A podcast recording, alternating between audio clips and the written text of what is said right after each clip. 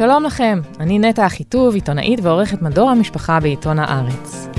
סקס, אוננות, זוגיות, חיזור, תפקידים מגדריים, נטייה מינית, הומופוביה, עיבוד בתולים, מין אוראלי, חרדת ביצוע, בעיות זקפה, אמצעי מניעה, הריון, הפלה, דימוי גוף, שינויים בגיל ההתבגרות, חרמנות, ריצוי מיני, וגם היחס של ההורים כלפי יחסי המין של המתבגרים שלהם.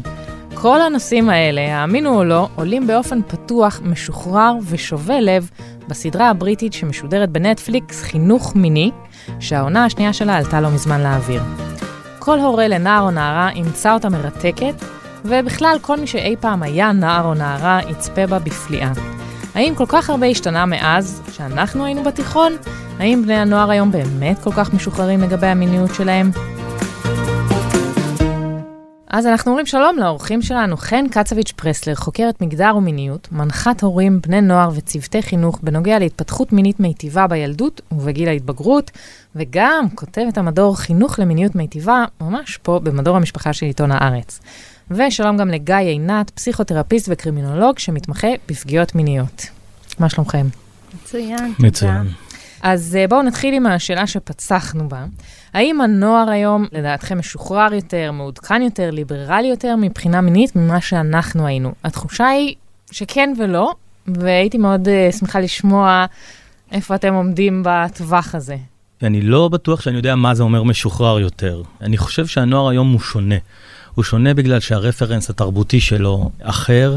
די ברור שהנושא של המדיה והתקשורת משפיע על הייצוגים הפנימיים של בני הנוער, באיך הם תופסים מין, מיניות, גבריות, נשיות. אני גם חושב שצריך להיזהר לא לשפוט את הכל, כי אני חושב שיש לזה יתרונות ויש לזה חסרונות. אני יכול לחשוב על יתרון בנושא של אה, להט"בים, אם לפני עשור או שניים נערים ונערות uh, בגיל ההתבגרות היו קוברים את עצמם בארון אחרי השירות הצבאי שלהם, אז היום כן יש במגזרים מסוימים ובאזורים מסוימים את האפשרות לבטא את הנטייה המינית כבר בגיל ההתבגרות, כבר בתיכון, לקבל איזה הכרה, לקבל מימוש לסוגיות האלה. יחד עם זה, כן צריך לזכור שהייצוגים של המדיה אה, מגיעים בגיל מאוד מאוד מוקדם, בניגוד לעבר, בגלל המהפכה הווירטואלית, ובמקום שהמיניות תצמח לאט בשלבים הדרגתיים, באינטראקציה עם המציאות, היא בעצם מותקפת מבחוץ בכל המידע הזה. ובדימויים שלא בהכרח תואמי גיל. קודם כל הם לא תמיד תואמי מציאות, אבל גם אם הם תואמי מציאות, הם באמת לא תואמים את הגיל. הם מגיעים בשלב מאוד מאוד מוקדם, לפני שיש הבשלה של המערכות שיכולות בכלל לעכל את המידע הזה. אם ככה נרצה לפשט את זה, זה כמו לתת לילד בן אה, שלושה חודשים אה, לשבת, שבעצם הוא עוד לא יכול, כי האנטומיה עדיין לא בשלה, אז uh, אותו דבר בנושא הזה. בעצם מותקפים מבחוץ בהמון המון מידע ויזואלי, שלא תואם את השלב ההתפתחותי שלהם. אבל כמו שאמרתי, יש גם יתרונות. בהחלט, נניח אצלנו במשפחה, יש דוד סבא ידוע שהיה בדיכאון כי הוא לא היה יכול לצאת מהארון, אחר כך באמת אה, בדור הבא יצאו כבר אחרי הצבא, והיום כבר אה, מלא בני דודים, אה, נערים מתרוצצים בגאווה גדולה עם הזהות שלהם, שזה בהחלט מעודד. קצת קשה לי עם ההשוואה הבין-דורית. כי כל פעם אומרים, וואי, הנוער של היום, וכאילו על כל דור זה ככה נאמר. אבל כן, אני אתחבר למה שגיא עינת אמר, שבוודאי הם הרבה יותר חשופים לתוכן אה, מיני מפורש, שמחלחל ומשפיע על עמדות, על התנהגות, על תפיסות שנוגעות למיניות. אז קשה להגיד איך בסופו של דבר זה מתרגם במיטה, ועד כמה זה באמת שונה ממה שהיה פעם. אני פוגשת אותם בסופו של דבר רק בסדנאות, ובסדנאות אני יכולה לראות שיש מגוון. והמגוון הזה יכול לבוא מבאמת אה, התבטאויות מאוד מאוד אה, מיזוגניות וסקסיסטיות ושוביניסטיות ופוגעניות והסתכלות אפילו מעוותת על מיניות. ויש אה, נערים ונערות שרואים שעשו איתם איזושהי עבודה, אם זה בבית או בבית ספר או... בתנועת נוער, עשו איתם איזושהי עבודה על עמדות גם שקשורות למגדר וגם למיניות, ואז אנחנו רואים ממש תפיסות אחרות. בתחילת דרכי היה לי נורא קל לשמוע את הקולות הפוגעניים, ואמרתי, אוי מגאד, מה קורה עם הנוער של היום? כי הם, הם מאוד מאוד קולניים, הקולות האלו, ומרגישים נורא נורא דומיננטיים. ואז באיזשהו שלב אמרתי, רגע, יש עוד קולות, למה את לא מקשיבה להם? ובעצם אני חושבת שהחשיבות היא לזהות שיש קולות נוספים ולחזק אותם, את העמדות האלה, ולעזור לבני נוער שנמצאים במיקומים הנורמליים והשפויים. הבריאים. כן, והבריאים. מול שאר קבוצת השווים שלהם. נראה שהדבר הדומיננטי ביותר הוא באמת שיש לכל אחד מהם מסך, ובמסך הזה הם אה, יכולים אה, לגלוש חופשי ובחינם לכל אה, אתר פורנו שהם ירצו, או אפילו סתם לראות קליפים מאוד מאוד מיניים, או דמויות הערצה. בגילן, שמפגינות איזושהי התנהגות מאוד מינית. אני מניחה שגם פה יש דברים טובים, הם לא צריכים את התיווך ההורי כדי לעסוק במיניות, אבל גם הרבה מאוד דברים שליליים. כפי שאמרת, זה לא מותאם לגיל שלהם. מה בכל זאת קורה שם בקשר שלהם עם המסכים? בגלל שהחשיפה היא בגילאים מאוד מוקדמים לתכנים מיניים, אנחנו מדברים על ממוצעים של חשיפה לפורנוגרפיה בכיתה ג', זה גיל מאוד מאוד צעיר. מה שקורה זה שההתנסות הזאת בצפייה בפורנוגרפיה הופכת להיות הזיכרון המיני הראשון של הילדים. בניגוד לנגיד אה, דור אחד אחורה שהיו קודם כל אולי קצת התנסויות ככה של קצת להתחיל להתאהב, להידלק, להסתכל, להגניב יד אה, בטיול בצופים, דברים כאלה, ואחר כך הייתה חשיפה יותר אה, אינטנסיבית או מסיבית לתכנים מיניים מהמדיה, כיום זה הפוך, ובעצם זה הופך להיות הזיכרון הראשון. הזיכרון הראשון הזה, שהוא גם, שוב, מאוד אינטנסיבי, כשילד בכיתה ג' נחשף לפורנוגרפיה, גם אם הוא נחשף בטעות, או מישהו חשף אותו חבר, הרבה פעמים תהיה בהתחלה איזושהי בהלה או, או איזשהו גועל, אבל התמונות הן מאוד מאוד חזקות, הן נחרטות. ואחר כך יהיה חיפוש של זה. אני שומע את זה בקליניקה באופן uh, מאוד עקבי, שיש בהתחלה איזושהי בהלה ואחר כך יש חיפוש, חוזרים לראות שוב, חוזרים לראות שוב. זה לא איזה צפייה חד פעמית, ככה כמו שאולי, שוב, בדור הקודם היה צריך לדאוג שההורים לא יהיו בבית והווידאו יהיה פעיל. ו... ללכת ו... לזכור את הקלטת. בדיוק, להביא את הקלטת, אחד מציץ מהחלון לראות אם ההורים מתקרבים, אז זה לא ככה, זה ממש יכול להיות אינטנסיבי, ילדים יכולים uh, לצפות בזמן שיעור, בזמן הפסקה, ובמובן הזה הצפייה בפורנו הופכת להיות ממש חלק מהזיכרונות, חלק מהגנטיקה של המיניות שלהם. אחת ההשלכות של זה, זה שאנחנו נראה אותם מאוד עסוקים בפרפורמנס המיני ולא במיניות עצמה. לאו דווקא בתחושות, לאו דווקא בחוויה, לאו דווקא באינטימיות, אלא בהיראות כמו מה שראינו. חן, את פרסמת uh, עכשיו סדרה של כתבות שיצאה ממש uh, לאחרונה על הנרטיבים המיניים הדומיננטיים uh, בקרב נערים ונערות. כמובן יש שם את המשפט המדכא שנערות נותנות ונערים לוקחים, ואת מדברת על זה שזה גם מגיע מתוך אותם דימויים של המסך ופורנו, וגם כמובן, מ... הם שומעים את זה מכל מיני מקומות, אחים גדולים. כן. או... אני רוצה לייצר איזושהי הבחנה בין uh, דימויים תרבותיים לבין בסוף uh, התנהגויות של נערים ונערות. יש לנו פער בין מה הם חשופים לבין מה התוצאה בפועל של מה שהם חשופים. עכשיו, יש כאלה שיקרה שם תהליך חיובי, יצליחו לעשות איזשהו משא ומתן עם המסרים שהם נחשפו אליהם, יגידו, אוקיי, התרבות אומרת לי שאני צריך להיות זיין לנער, ואם אני נערה, אז התרבות אומרת לי, לא, לא, לא, אל, ת, אל תבטאי את המיניות שלך כדי שלא תהיי שרמוטה. אז זה מה שהתרבות אומרת לי. השאלה עכשיו, מה אחר כך, מה התוצר של זה בסוף בפועל עבור הנער או הנערה. ופה אני חושבת שזה קצת המקום לאופטימיות, כאילו, גם אם התרבות, אה, אנחנו יכולים אה, להיות מאוד מאוד ביקורתיים כלפי התוצרים שלה, ואפילו מצווה להם איך מצופה מהם להתנהג בזירה המינית ביחס למגדר שלהם, עדיין התוצאה לא תהיה זהה עבור כל הנערים והנערות. ופה המקום באמת של החינוך והתיווך, כן. כדי לעזור להם לבצע את המשא ומתן הזה, כי אם אני כנערה או כנער, אף אחד לא דיבר איתי על זה ולא עזר לי להפעיל איזושהי חשיבה ביקורתית וצפייה ביקורתית, אז אני הרבה פעמים באמת, אה, מה שאני צורך או צורכת, אני מיישמת או מנסה לראות איך אני מביאה את זה לעולם שלי. ואם כן עברתי תיווך, אז אני מצליחה לה, להגיד, אוקיי, את זה אני עודפת, את זה אני מאמצת. ופה המקום לעזור לבני נוער. אני חושבת שהיום נורא נורא קשה להתבגר. חשופים להמון תכנים שמגדירים להם מה מצופה מהם ומה מצופה מהם מבחינה מגדרית ומה מצופה מהם מבחינה מינית. זה נורא מתיש. כן. וצריך להיות שם מישהו ששנייה ירגיע את זה ויעזור להם לבצע את העדיפה הזאת, להגיד מה לא מתאים לי לקחת לחיים האינטימיים שלי, לדימוי העצמי שלי, לאיך שאני תופס או תופסת אה, מיניות, זוגיות, אהבה. גם. פעם היית נכנסת הביתה, ובעצם בזה נפסקו החיים החברתיים שלך, ל, ל, לפחות ללילה. עכשיו הם ממשיכים נכון. להתקיים אה, על המסך, ואת כל הזמן צריכה להיות פעילה שם. אז בוא נדבר באמת על התיווך הזה. יש uh, את ההורים מצד אחד, ויש uh, את מערכת החינוך שהיינו מצפים שבמדינה נורמלית יהיה גם uh, חינוך מיני נורמלי. אבל מה שקורה בישראל זה ש... מנהלי בתי הספר יכולים לבחור אם הם רוצים להזמין סדנה על חינוך מיני או לא. ברור שרבים מהם לא מזמינים, במיוחד באוכלוסיות שזה מאוד מביך לדבר על הדברים האלה. ואז זה גם מופקר לידי עמותות וארגונים, שחלק עושות עבודה מעולה, באמת, יש מערכים אה, מאוד מקצועיים, אבל חלק עושות עבודה פחות טובה. בעצם יש ממש ואקום בכל הדבר הזה, ואם אין לנו מזל והילדים שלנו הולכים לבית ספר שלא הזמין אה, סדנת חינוך מיני, אז הכל מוטל לפתחנו, ההורים. מה אנחנו יכולים לעשות? כמו שאני רוצה אה, מגיל קטן לחנך את הילדים שלי ל- לרעות, להיגיינה, לאזרחות טובה, לזהירות בדרכים, כל נושא שהוא, שאני מבינה שזה אחריותי לחנך אותם, ואני לא מעבירה את האחריות למישהו אחר. אני חושבת שהורים צריכים וצריכות להבין שהחינוך המיני בסופו של דבר זה אחריות שלהם.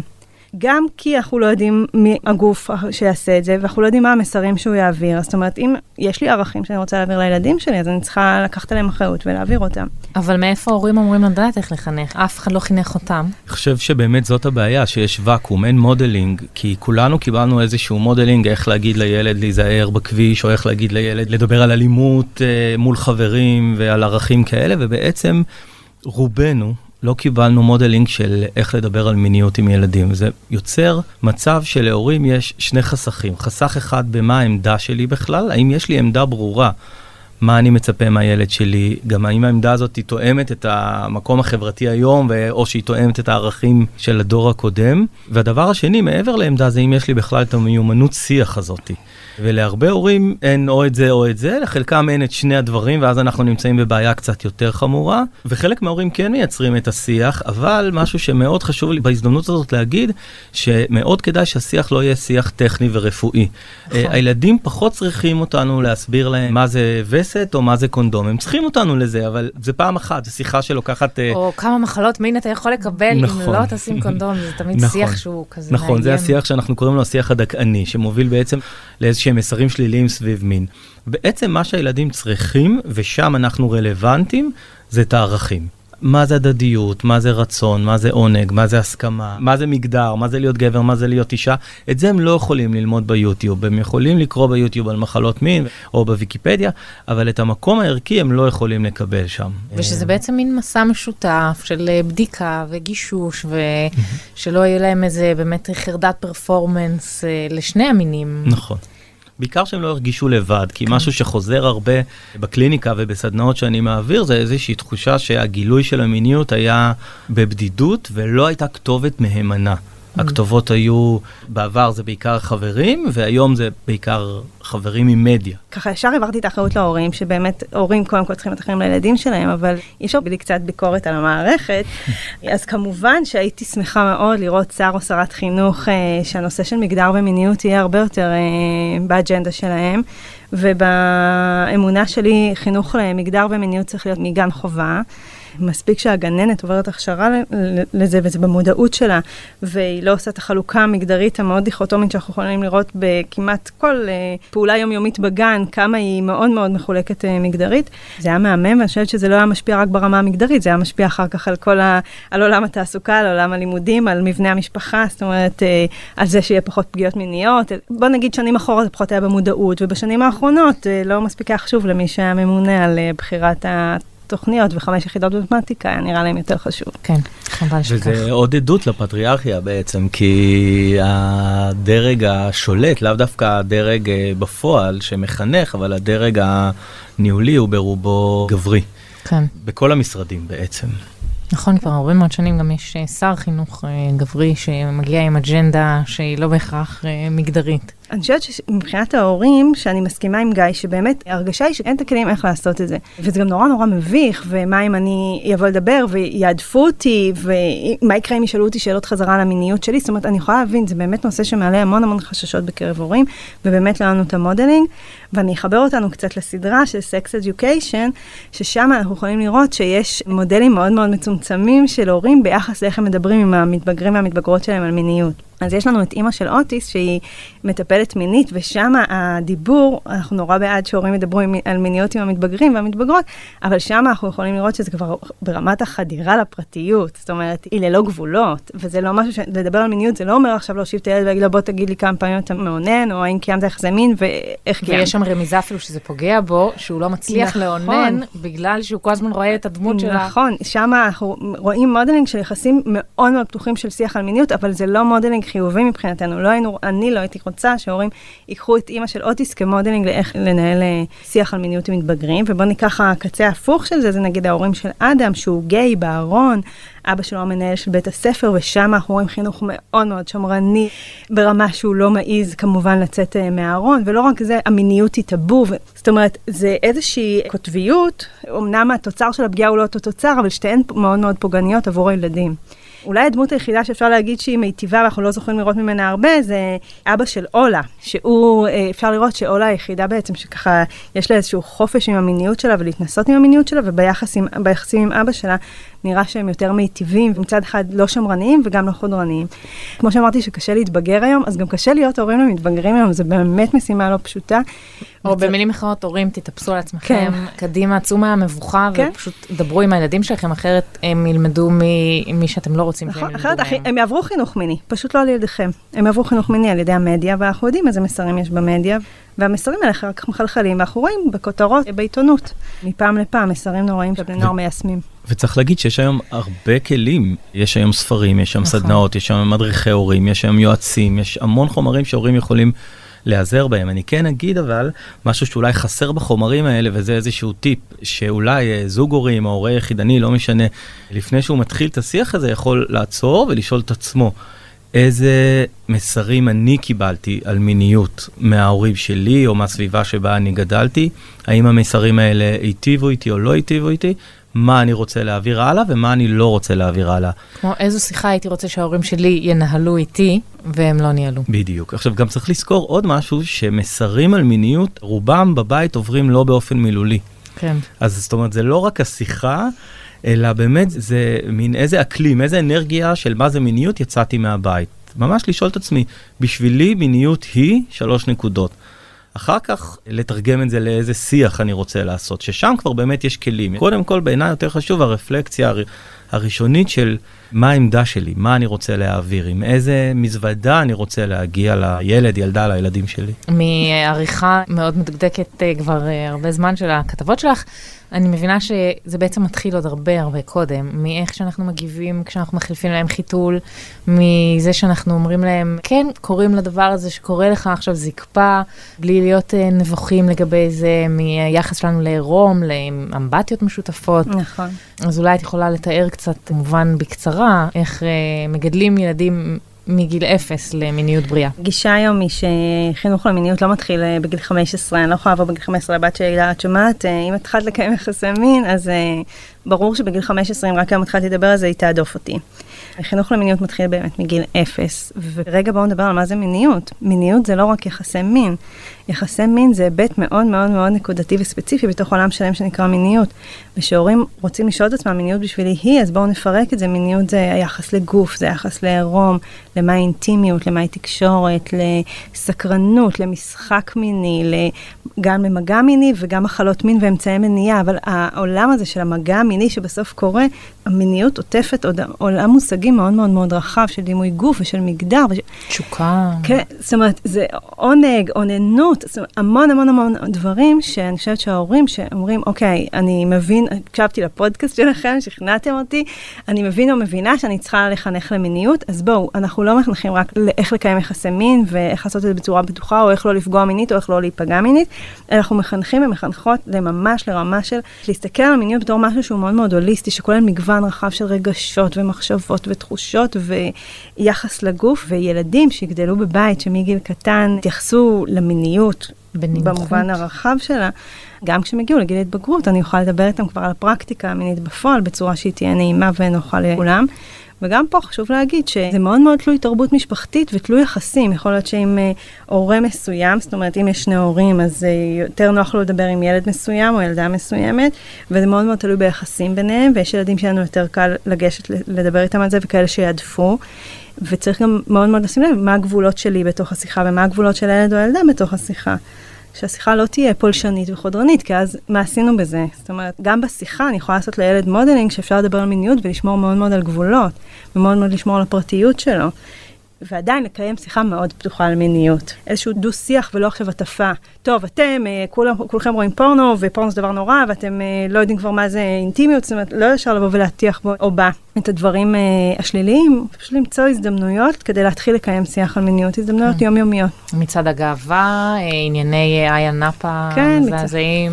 אני חושבת שלהיות בסיטואציה שעשרה נערים נמצאים עם נערה אחת ומצלמים, ונותנים הוראות בימוי, ונכנסים ויוצאים, ונורא צוחקים על זה, וזה נראה להם נורא מגניב, ונורא מצחיק, ונורא fun, ואף אחד שנייה לא אומר, רגע, זה הזוי, זה לא נורמלי מה שקורה פה, זה לא אמור להיות ככה, מגע מיני לא אמור להיראות ככה, להישמע ככה, להיחוות ככה. ואני חושבת שיש בו איזשהו משהו באמת ישיר של תרבות שנחשפים אליה, שהמיניות היא נורא נורא מוחצנת, ואז, אוקיי, ראיתי גנג בנג אתמול בפורנו, והנה עכשיו אני חלק מגנג בנג והכל נורא נורא נורמלי.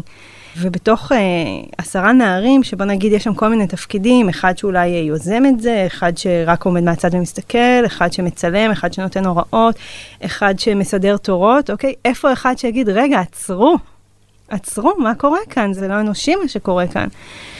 חושבת וזה אותו אחד שחסר בסרט עצמו. נכון. כן. ו... גם עצם זה שמצלמים, זה גם משהו יחסית חדש, זאת אומרת, צילום של סקס זה לא דבר שהיה מאוד מקובל עד לפני כמה שנים. נכון, נכון. אגב, אני נגיד לבני נוער אומרת להם, גם אם אתם שניכם רוצים לצלם, אל תצלמו, אל תצלמו סקס. אז איכשהו זה בסוף, הסרטונים האלה או התמונות האלה בסוף איכשהו מודלפים. זאת אומרת, בטח שבטח אם זה במגע מיני שהוא פוגעני, אבל אני אומרת, גם במגע מיני מיטיב, אני לא מבינה את הרעיון שהיום זה צריך להגיד את זה, אל תצלמו. ואם היה לי עכשיו נער או נערה מתבגרים, אז הייתי אומרת להם, אוקיי, איך אני גורמת לזה שהנער שלי, אם הוא הגיע לסיטואציה הזאת, הוא יהיה זה שיגיד, עצרו. בכל התפקידים שהיה אפשר לעשות היום. עכשיו, זה משהו שהוא נורא נורא קשה, כי גם אני שם פה הרבה, המון אחריות על נער בסופו של דבר בן 18 מול קבוצת השווים שלו, שכולם עושים משהו אחד, והוא יהיה זה שיבוא ויגיד, עצרו. מה הוא צריך אותו נער? חמלה? הבנה של אה, אינטראקציות אנושיות? אני ממש שמחה שאמרת מילה חמלה, כי אני חושבת שאחד הדברים שהם אה, קצת נעדרים היום מהיחסים הבין-אישיים היא חמלה. תראו, לעמוד מול קבוצה של נערים צריך המון אומץ וחוסן. הציפייה להגיד לו לעצור עשרה חברים שלו היא ציפייה אולי, בוא נגיד, אוטופית, אבל הלוואי והיה קורה. אבל בוא נגיד, אני לא אחד מהם. אני יוצא אז מהחדר, בסדר? אם אין לי את המסוגלות לעצור את זה, אז אני יוצא מהחדר, אני לא נשאר שם. כן, חמלה, לראות את האחר. כן. אני חושבת שזה משהו שהוא נורא נורא נהדר. ובכלל, אגב, במגעים מיניים, משהו שאני כל הזמן מדברת עליו עם בני נוער, זאת אומרת, יכול להיות uh, נורא מעורר, ותחושה כזאת של, שזה נורא מסעיר וכיף וזה, ומה זה עושה לי בגוף, וכמה אני נהנה, וכמה אני רוצה לממש את ההנאה שכרגע יש לי בגוף. ושנייה רגע, לעצור ולזכור שיש מולך מישהי או מישהו, ואתה חייב לעצור ולבדוק האם אתם באותו מקום. כשאני מדברת על מקרים של ניצול קבוצתי, ובפרט על הנאפה, אני יוצאת בתחושת תסכול מאוד מאוד קשה מהמפגשים, למרות שיש כאלה שמזהים את זה, הקולות של החבר'ה שפשוט לא מזהים איפה הבעייתיות, איפה יחסי הכוח בין נערה אחת לקבוצה של נערים, בשכרות, באופן שהדברים קרו שם, והם לא מזהים את זה כמשהו פוגעני. וואו, זה משהו שנורא נורא קשה לי להכיל אותו, ואני חושבת ששוב פעם, אם אנחנו חוזרים לפורנו, אז יש טשטוש של הבנה למהו מגע מיני מיטיב ומהו מגע מיני פוגעני. אפילו ברמה הזאת, לא כל מגע מיני פוגעני הוא כואב, אבל אפילו טשטוש בין כאב להנאה. אני כל הזמן אומרת להם, בין שני אנשים. אנשים מבוגרים ירצו להתנסות בין מינים יותר משני אנשים, בבקשה, אבל בטח בגיל הזה שני אנשים שנפגשים, ואיזה איזון דק צריך כדי שהמפגש המיני הזה יהיה באמת מיטיב עבור שניהם, ששניהם יצאו בסופו ויגידו, וואו, היה לי רגע טוב. בטקסטים שלך את תמיד אומרת, אמרו לנערים ולנערות שלכם שבשלב הזה יימנעו ממין קבוצתי. זאת אומרת, זה לא שאנחנו נגד או פוריטנים, כן. או חושבים שמין זה רק בין שני אנשים, אבל בגיל, בגיל הזה, הזה, זה בהחלט לא משהו שעשוי להיות מיטיב לאף אחד מהצדדים. נכון, אני חושבת שבגיל הזה זה מהר מאוד יכול להגיע לסיטואציה של ניצול קבוצתי. ברגע שאנחנו כבר שלושה ולא שניים, בקלות זה יכול להפוך להיות לא מיטיב עבור מישהו מהנוכחים. או מישהי. אנחנו אומרים כל הזמן נערים, אבל החשיפה לפורנוגרפיה היא בילדות. אם ילד רואה בכיתה ג' וד' וה' וו' וז' וח' וט' פורנוגרפיה שעושה אירוטיזציה לחלקים האלה של כוחנות, של uh, הרבה מול אחת, של uh, מעמדות, של יחסי כוח, ואז הוא מגיע לי"א או לי"ב, אני לא יודע מה אני מצפה ממנו, שהוא באמת יצליח להיות האחד שאומר, אוי, מה שקורה פה זה לא תואם את הערכים uh, שעליהם uh, אולי מישהו חשב שהוא רוצה לגדל אותי. אז זה באמת משימה מאוד מאוד קשה במובן הזה. ואם אני אפשט את זה עוד יותר, אז הפורנוגרפיה בעצם הופכת להיות פנטזיות מיניות. ואם אני עכשיו נגיד רעב ואני מפנטז על uh, פסטה ואני אומר וואי איך בא לי פסטה ואני מדמיין את הפסטה ככה עם הרוטב הזה אז אני אגיע הביתה בערב אני סביר להניח אכין פסטה ולנערים קורה את אותו דבר זאת אומרת הם מפנטזים על פוזיציות מסוימות ואז הם רוצים לממש את הפוזיציות האלה, הם לא מכירים פוזיציות אחרות. בעצם זה מין פנטזיה שהוחדרה אליהם מבחוץ. ולא משהו שהם ראו את הנערה בהפסקה וככה קצת התלחששו. היא הוחדרה מבחוץ, אבל היא באופן מאוד טבעי מתחברת, כי מין כן. ואלימות יושבים במוח באותם אזורים, אז זה כן. מאוד בקלות מתחבר, לא סתם, הפורנוגרפיה זאת תעשייה מאוד מאוד נבונה. והם יודעים לתת מענה לכל שוקה אנושית. איך זה נראה בתוך הקליניקה, אגב? שיח על uh, דברים כאלה, אם הם באים מבית, זה לא מדובר בו, הם בטח מאוד נבוכים גם מולך. מבוכה יש, והיא בסדר, גם לי יש מבוכה. אחרי 15 שנה שאני עוסק בתחום, וכן בטח תסכים איתי, בסוף לעמוד מול נער או נערה או ילד או הורים או כיתה או הרצאה. ולדבר על מיניות, אם אתה לא נבוך קצת, אז גם זה לא מותאם. זאת אומרת, כן. גם פה יש איזשהו משהו שהוא, זאת אומרת, זה הופך לקצה הקיצוני של איזשהו דיבור אה, פרוץ ומתירני באופן... ילדי אה, הפרחים סטייל. כן, אז, אז כן. זה בסדר שיש מבוכה, ואני דווקא מעודד את המבוכה הזאת, ואני אומר שהמבוכה היא טבעית. עכשיו אנחנו צריכים ללמוד איך מתגברים עליה ומעיזים לשאול ומעיזים לגעת בדברים. הרבה פעמים הורים מכבים שריפות, הם כבר יגידו משהו כשקרה משהו, ובדרך כלל כשקרה משהו שלילי או משהו שמפחיד אותם, והם פחות יודעים לצייר את ה... אם, אם נתייחס אדום וירוק, אה, כמו ברמזור, הם פחות יודעים לתת את הכיוון הירוק. אתן דוגמה שילד שנולדה לו אחות וחיתלו אותה לידו, שהוא בא והסתכל באמבטיה ואז הוא הושיט יד לגעת לה בפוט, כי הוא לא מכיר את זה, כן? זו פעם ראשונה שהוא רואה משהו ששונה משלו, בחוויה שלו אמור להיות שם צ'ופצ'יק והוא פתאום נעלם. וההורים נורא נבהלו ומאוד uh, כעסו עליו, והם שאלו אותי, אז איך אפשר להתייחס לזה בצורה בריאה? ההתייחסות בצורה בריאה זה לתת לגיטימציה לסקרנות, לא למעשה. זאת אומרת, אני יכול להגיד לו, זה מאוד בריא שאתה סקרן להבין מה ההבדל בין בנים לבנות, או איך נראה גוף של בנות, או בכלל איך נראה גוף של אחרים. הסקרנות היא בריאה, אבל המעשה הוא פחות מתאים. אנחנו לא נוגעים אחד בשני, או אנחנו לא נוגעים באיברים פרטיים, ואם אתה רוצה ללמוד איך נראה גוף של בנות, אז אנחנו נקנה ספר ונראה ביחד, או נצפה באיזשהו פרק. במובן הזה זה דורש מההורים גם להיות אקטיביים, לא רק לכבות שריפות, וגם לחשוב כל הזמן, בדיוק כמו שחן אמרה, איך אנחנו לא ישר שופטים ומציבים את הגבול. כי אם אנחנו ישר הולכים לגבול ולאסור, אז אנחנו לא הופכים להיות כתובת. צריך לזכור שהמיטו וגם השיח המתעורר על גבריות, או על אה, גבריריות, כן? גבריות שבירה או שברירית. אני חושב שהם מצוינים, ובאמת יש פה לדור ההורים איזושהי הזדמנות לפתח איזשהו שיח שהוא קצת יותר אה, אפור ופחות uh, סטריאוטיפי ויותר גמיש בהסתכלות בכלל על מגדר ועל מיניות, אבל צריך לזכור שבגיל ההתבגרות יותר קשה להם להכיל את האפור. הם צריכים שחור או לבן, ובגלל זה אנחנו כן יכולים לראות שבגיל ההתבגרות העמדות הרבה פעמים הן עמדות הרבה יותר קיצוניות, הרבה יותר סטריאוטיפיות, גם כלפי מגדר. אחר כך איפשהו, בסוף גיל ההתבגרות, נגיד בגיל 30, אפשר להתחיל להגמיש אותם קצת. מיטו, קודם כל היא תנועה מבורכת שאנחנו אומרות עליה תודה גדולה, אבל אני חושבת שצריך לשים לב שהיא גם הביאה את ה-Backlash. יכולים ויכולות להתעכב משפטים, טוב, יאללה, היום כבר אי אפשר להתחיל עם אף אחת, אתם ישר אה, אומרות הטרדה מינית, תמיד מאמינים לבנות, כל אחת שרוצה להתהפך עליי, אני נותנת חיקויים מהסדנות, כל אחת שרוצה להתהפך עליי יכולה ללכת להגיד להמציא שהטרדתי אותה, שפגעתי בה. יש יותר מודעות למהי פגיעה מינית, אבל אני חושבת שזה גם מביא המון התנגדות מצד נערים, ואגב, גם מצד נערות. זאת אומרת, זה משפטים שגם אפשר לשמוע נערות אומרות. כן, יאללה, היום כל הנערות הולכות, ממציאות, זאת אומרת, זה גם מביא איזשהו גל של התנגדות שנראה כאילו כל היום אה, נערות ונשים עסוקות בלחפש איך להמציא שהם נפגעו מינית. שזה גם משהו שצריך לשים לב אליו, ושזה מעורר גם התנגדות. ולסיום, משפט שאתם הייתם שמחים לשמוע ומעולם לא שמעתם, אבל עכשיו אתם יכולים אה, להעניק אותו במתנה למאזיננו. כנערה אף אחד אף פעם לא אמר לי שאני אמורה ליהנות מזה. גם לי לא. באמת, אה, הרבה שנים הרבה שנים של uh, בזבוז. ואני חושבת שהרבה מהמגעים המיניים בגיל התבגרות, ואגב, להרבה נשים אחר כך גם בהמשך החיים, הם לאו דווקא מהנים או מיטיבים עבור הרצון, הצורך, התשוקה של האישה, והייתי שמחה שהורים לנערות ששומעים אותנו, למדו אותם שיש להם זכות על המיניות שלהם, ויש להם זכות להכיר את המיניות שלהם ואת הגוף שלהם ולדעת מה עושה להם טוב. ללמד את ההורים איך ללמד את הילדים לחשוב את עצמם כיצורים מיניים, כי ברגע שחושבים על משהו, אז יש לו כבר תרחישים. ברגע שנושא מסוים לא מדובר, אני מופתע, אני מותקף.